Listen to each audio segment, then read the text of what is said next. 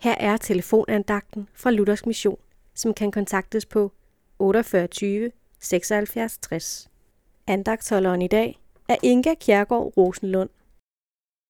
I Paulus' brev til Filipperne kapitel 2, vers 5 læser vi, I skal have det sind over for hinanden, som var i Kristus Jesus. Før Jesus blev født på jorden, var han i himlen hos Gud, og han var ligesom Gud. Alt var og er godt der. Men til trods for det, var Jesus klar til at komme her til jorden for at tjene os. Jesus, han som var, var som Gud og havde al magt i himlen og på jorden, han tog arbejdstøjet på og var villig til at arbejde, tjene os, egentlig uden at han skyldte os noget. Han tog en tjener skikkelse på og blev som mennesker.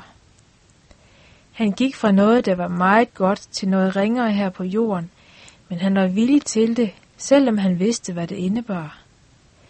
Jesus var som tjener lydig helt ind til døden. Han prøvede ikke på at snyde udenom. Han gennemførte og holdt ud.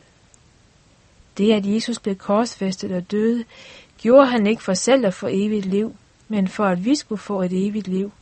Os, der tror på hans navn. Og så tilbage til vores vers.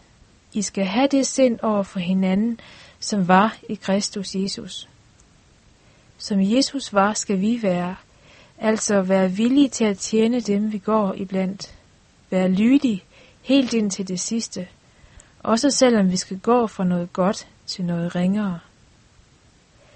Gud lærer os i dag at elske vores næste som os selv. Amen.